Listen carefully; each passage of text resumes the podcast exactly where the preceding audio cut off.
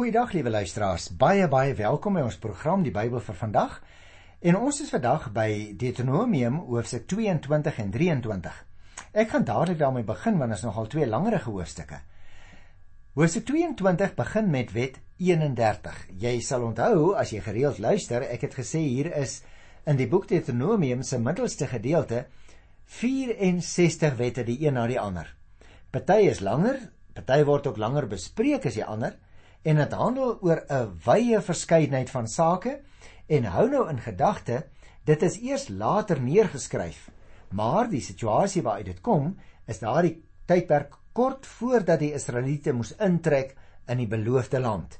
Dit is dus 'n groot klomp jong mense want onthou die ou mense het gesterf in die woestyn daar is nou 40 jaar verby en nou is hulle op die vooraand van die intog as dit ware. Wet 31 sê: Sorg vir die eiendom van ander. En 'n mens kry daardie voorskrif in die eerste 4 verse. Kom ek lees dit. Jy mag jou nie blind hou wanneer jy 'n verdwaalde bees of skaap van jou volksgenoot sien nie. Jy moet dit na hom toe terugvat. As hy nie naby jou bly nie of as jy hom nie ken nie, moet jy die dier na jou huis toe vat en dit moet daar bly totdat hy dit kom soek. Dan moet jy dit vir hom teruggee. Die derde vers sê: "So moet jy ook maak met 'n donkie of 'n kledingstuk van jou volksgenoot of enigiets anders wat wegraak en jy kry dit. Jy mag nie onverskillig daarteenoor staan nie. Jy mag nie onverskillig staan teenoor 'n donkie of 'n bees van jou volksgenoot as jy dit sien val nie. Jy moet hom eerder help optel."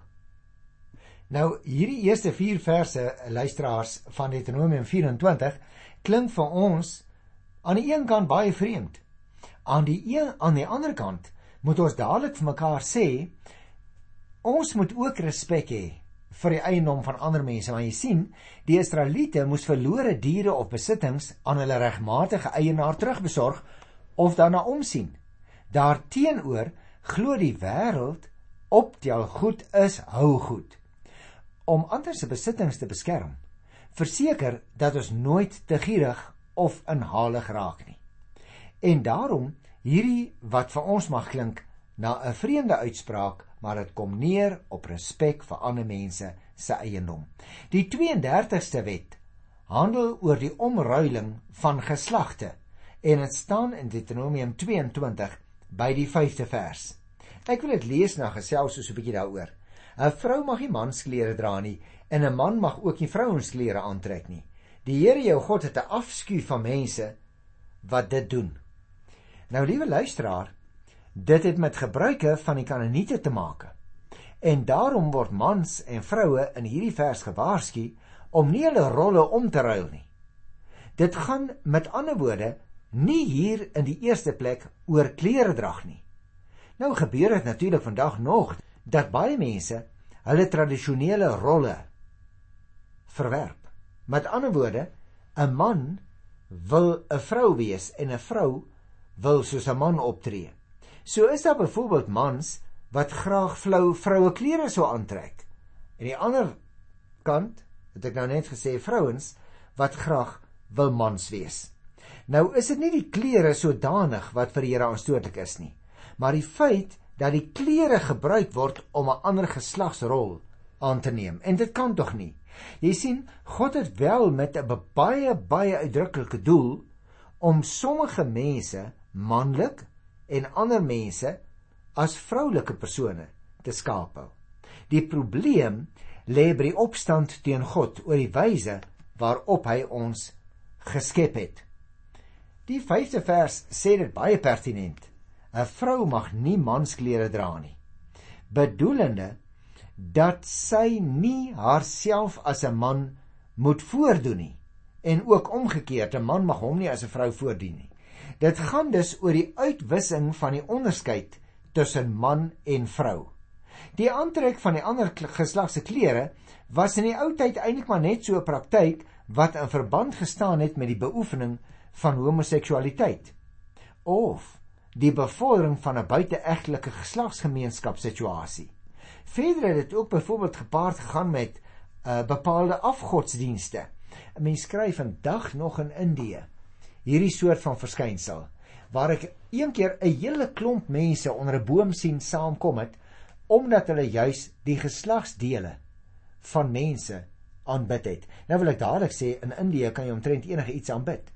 Vir jou en vir my as Christus gelowige het die Here man en vrou gemaak en hy het ons afsonderlik gemaak. Daarom is die klere nie die saak waaroor dit hier gaan nie. Dit gaan hier oor die ontkenning van die geslagtelikheid van die spesifieke geslag wat die Here aan iemand gegee het en nou wil hy of sy uh een van die teenoorgestelde geslag wees. Daarom handel die 32ste wet oor die omruiling van geslagte. Die 33ste wet kry mense in Deuteronomium 22 vers 6 en 7 en dit handel oor natuurbewaring. Baie interessant. Ek dink die Greenpeace mense sal baie bly wees om te hoor as hulle dit nie geweet het nie. Dit staan ook in die Bybel dat 'n mens voëls moet beskerm. Luister na vers 6 en 7. Wanneer jy afkom op 'n voëlnes in 'n boom of op die grond, en daar is kleintjies of eiers in die nes en die wyfie sit daarop, mag jy nie die wyfie saam met die kleintjies vir jou vat nie. Jy mag die kleintjies vir jou vat. Maar jy moet die wyfie laat wegvlieg. Dan sal dit goed gaan met jou en jy sal 'n lang lewe hê. Baie interessant hierdie stukkie wetgewing nie waar nie. Die 34ste en die 35ste wette val eintlik saam en dit gaan oor die veiligheid van huise en die verbod op sekere kombinasies. En 'n mens kry die 34ste en 35ste wet dan saam hier in Deuteronomium 22 vers 8 tot by vers 11. Kom ons lees dit eers en ons gesels so 'n bietjie met mekaar daaroor. Wanneer jy 'n nuwe huis bou, moet jy 'n reëling rondop die dak aanbring sodat jy nie met jou huis iemand se dood veroorsaak as hy van die dak afval nie. Jy mag nie 'n ander se gewas in jou wingerd plant nie. As jy dit doen, sal die opbrengs van die gewas, sowel as die druiweoes, die tempel toe kom. Nou dis interessant dat dit hier staan en in vers 11 word selfs bygevoeg jy mag nie 'n kledingstuk dra van twee soorte materiaal nie, van wol en linne mag jy nie 'n kledingstuk dra nie. Nou, liewe luisteraars, hierdie wette is baie baie prakties nie waar nie en dit help om goeie gewoontes vir die alledaagse lewe te vestig juis in daardie vroeë stadium van Israel se se bestaan as volk. Nou vers 8 sou ek sê die mense wat hulle dakke as stoepe gebruik het het het 'n reëling daarom nodig. Want anders, jy kan dit tog verstaan, as so 'n oop dak nie 'n reëling rondom het nie, kan mense baie maklik afval en jy sal dan verantwoordelik gehou word vir daardie een se dood. Net soos by vers 9 byvoorbeeld, as 'n mens twee gewasse naby mekaar geplant het, sal dit nie vir albei moontlik wees om te oorleef nie.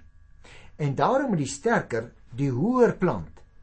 Uh juis omdat hy makliker kan sonlig kry. Daarom gaan hy oorleef en die ander een nie. Maar interessant dat die 11de vers vir ons baie pertinent sê jy mag ook nie 'n kledingstuk aantrek wat van twee soorte materiaal, liewe luisteraar, sou nie dieselfde dra en hulle sou ook nie dieselfde was nie. En daarom sou dit nodig wees om een kledingstuk van twee stowwe te maak nie. Jy moet byvoorbeeld nie dink dat God se wette net arbitreëre bepalinge is nie hoor. Soek altyd na die rede van die wet want hy maak nie net wette om ons te beperk nie, maar juis om ons te beskerm. En luister dus na vers 18. Hulle moet die man dan met 'n sweep slaan en hom met 1140 gram silwer beboet. Nou interessant dat 'n mens destyds ook al boetes opgelê is, nie waar nie? En hier word spesifiek gesê uh hy moet 'n boete opgelê word. Maar ek wil graag, liewe luisteraar, 'n bietjie stil staan hier by die 36ste wet.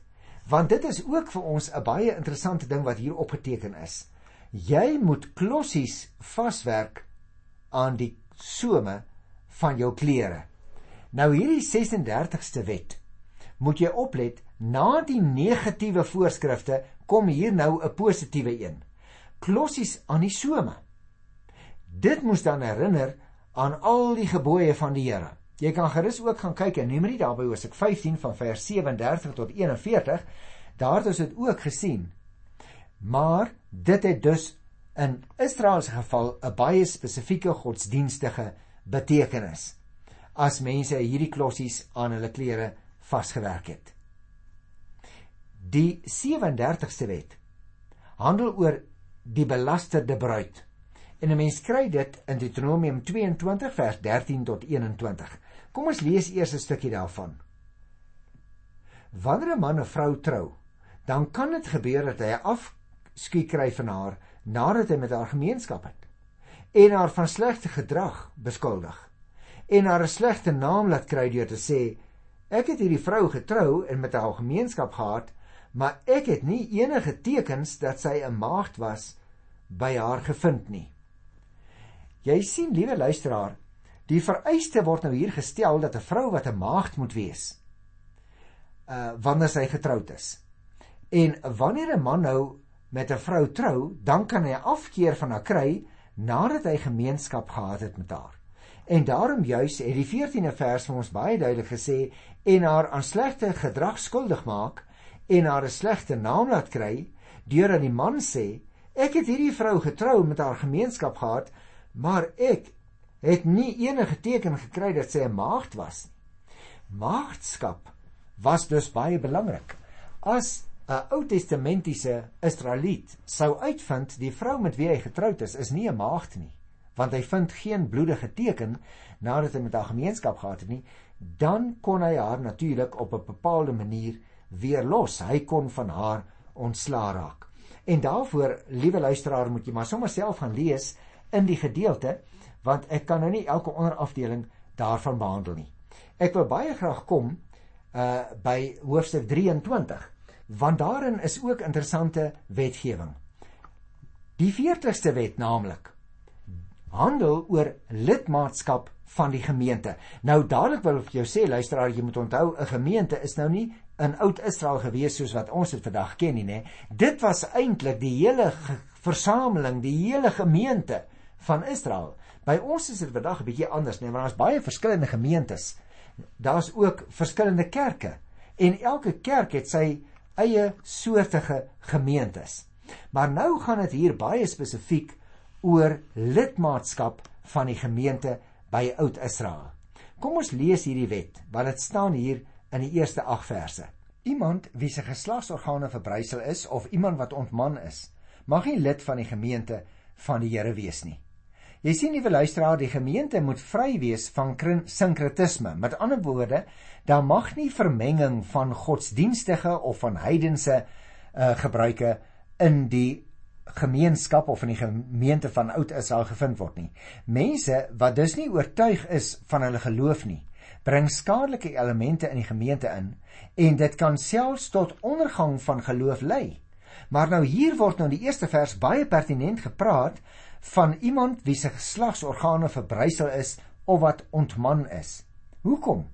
Want jy sien, die gemeente van die Here is 'n aanduiding van die verbondsvolk wanneer hulle bymekaar was in sy teenwoordigheid. Dit wil sê by die heiligdom. Om dus 'n lid van die gemeente te kon wees in daardie tyd, het beteken om toegelaat te wees tot die formele vergadering van die volk en die verbondsgemeenskap self. En die eerste kategorie wat nou verbied word, is iemand wie se geslagsorgane verbrysel is of iemand wat ontman is. Hoekom?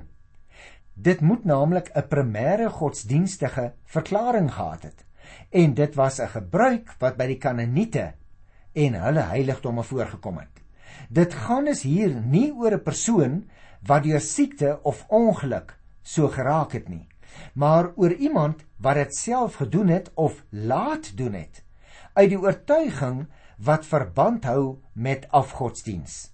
Jy sien, die ontmanning was dan 'n teken dat so 'n persoon aan 'n afgod behoort het en dat hy sy lewe gewy het aan daardie afgod en daarom mag hy nie in die gemeenskap van Israel opgeneem word nie. Kom ek sê dit net 'n keertjie andersom. Dit gaan oor 'n persoon wat heidense afgode gaan dien het en as deel van die ritueel is so 'n persoon se geslagsorgane soms verbrysel. Want onthou die Kanaaniete het juis 'n vrugbaarheidskultus gehad. En as iemand dus een keer deel gehad het daaraan en hom aan Baal of Astarte byvoorbeeld gewy het, dan kon hy nie ontvang word in die gemeenskap van Israel nie, want daar word net een God erken. Dit gaan dus hier nie oor ander redes nie, maar dit gaan daaroor dat hierdie persoon uit en uit die God van Israel ontken het en kan dus nie weer opgeneem word nie want sy geslagsorgaan is dan verbrysel. Die 6ste vers sê byvoorbeeld en dit bring my uh hier teen die einde van die verduideliking van die 40ste wet. Jy mag nooit in vrede leef met die Ammoniete en die Moabiete nie en jy mag nooit iets goeds aan hulle doen nie. Nou dit gryp natuurlik terug, liewe luisteraar, op wat destyds in die woestyn tog gebeur het. Maar daarom gaan ek ook nie weer daaroor praat nie. Ek wil graag by die 41ste wet kom. Dit handel oor reinheid onder weermagslede. En 'n mens kry dit in Deuteronomium 23 van vers 9 tot by vers 14. Kom ek lees vers 9. Wanneer jy optrek teen jou vyande, moet jy oppas dat jy nie iets verkeerd doen nie. As daar iemand by jou is wat nie rein is op grond van iets wat in die nag met hom gebeur het nie, moet hy uit die kamp uitgaan. Hy mag nie in die kamp wees nie. Teen die aand moet hy hom was en na sononder mag hy weer in die kamp inkom. Jy sien, die militêre kamp moet higienies bly om siekte te bekamp, maar ook om rekening te hou met die heiligheid van die Here, want hy is eintlik die beskermer van die leerorde of die geslagsordes van Israel.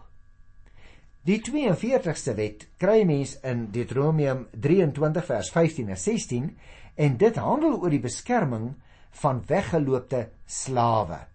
Jy sien jy kon nie sommer net as jou slaaf weggeloop het en jy hom kry om sommer net sonder meer doodmaak nie. Luister so 'n bietjie want ons is hier op die terrein van die maatskaplike en godsdienstige reëlings. Vers 15.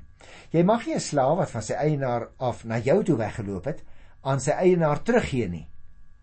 Nou dis 'n interessante wetgewing nê en daar word nogal bygevoeg. Die slaaf mag by jou bywoon in een van jou stede wat hy gekies het waar dit hom pas. Jy mag hom nie laat swaar kry nie. Jy sien, liewe luisteraar, net soos ons vandag nog moet slawe in Israel destyds geleer het om aan die Here gehoorsaam te wees. Slawe moes dus billik behandel word want Israel was 'n slaaf in Egipte. Dit herinner ons dus ook aan Paulus se voorspraak vir die weggeloopte slaaf Onesimus by sy meester Philemon. En dit is dus nakies natuurlik waar die boekie Philemon vandaan kom.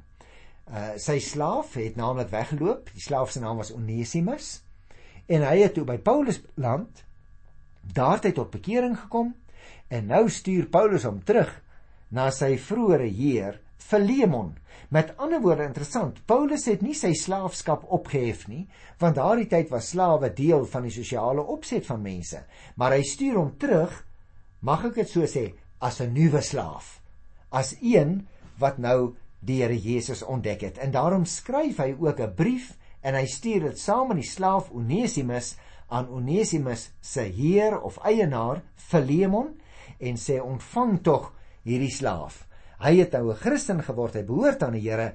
Hy wil die 10 gebooie dat 'n mens jou moet onderwerp aan gesag, byvoorbeeld, dit wil hy erken. Daarom vra ek jou, ontvang hom wanneer hy by jou terugkom op jou eie werf. En dit bring my by die 43ste wet.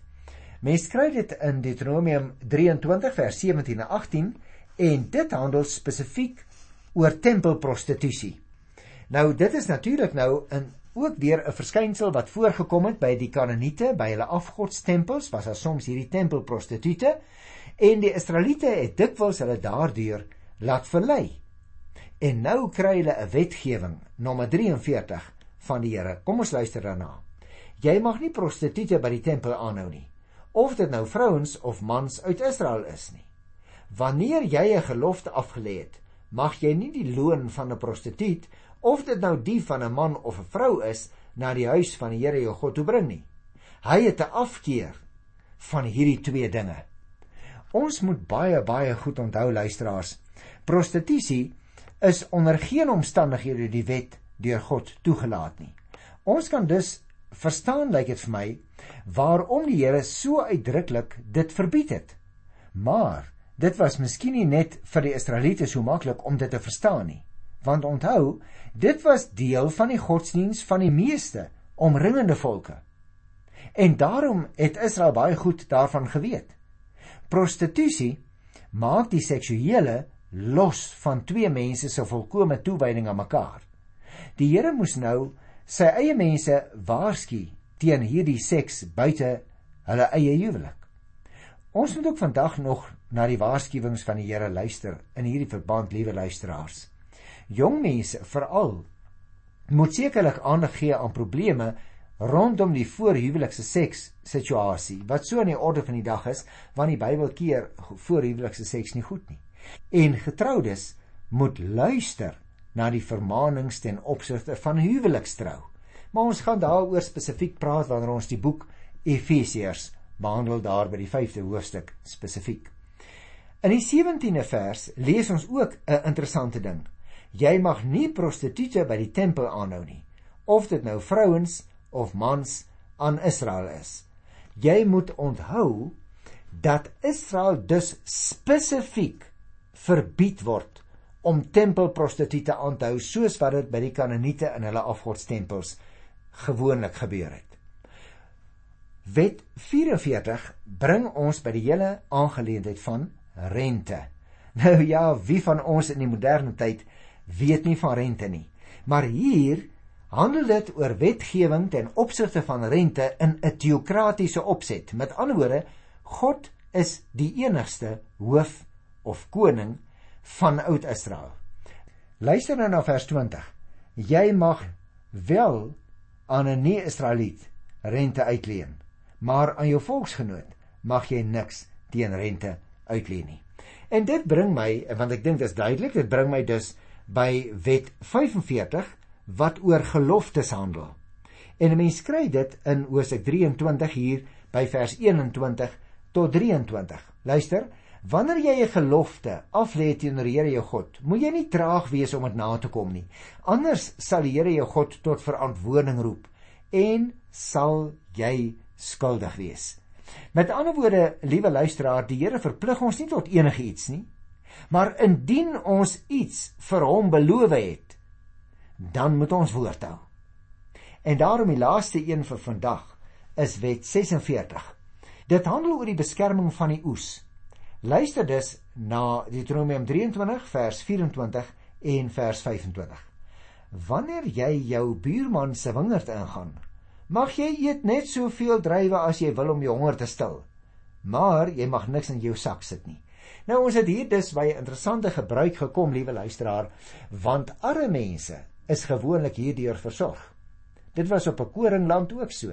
Jy mag nie alles afoes nie, daar moet so klein bietjie oorbly want dalk kom daar 'n arm persoon verby.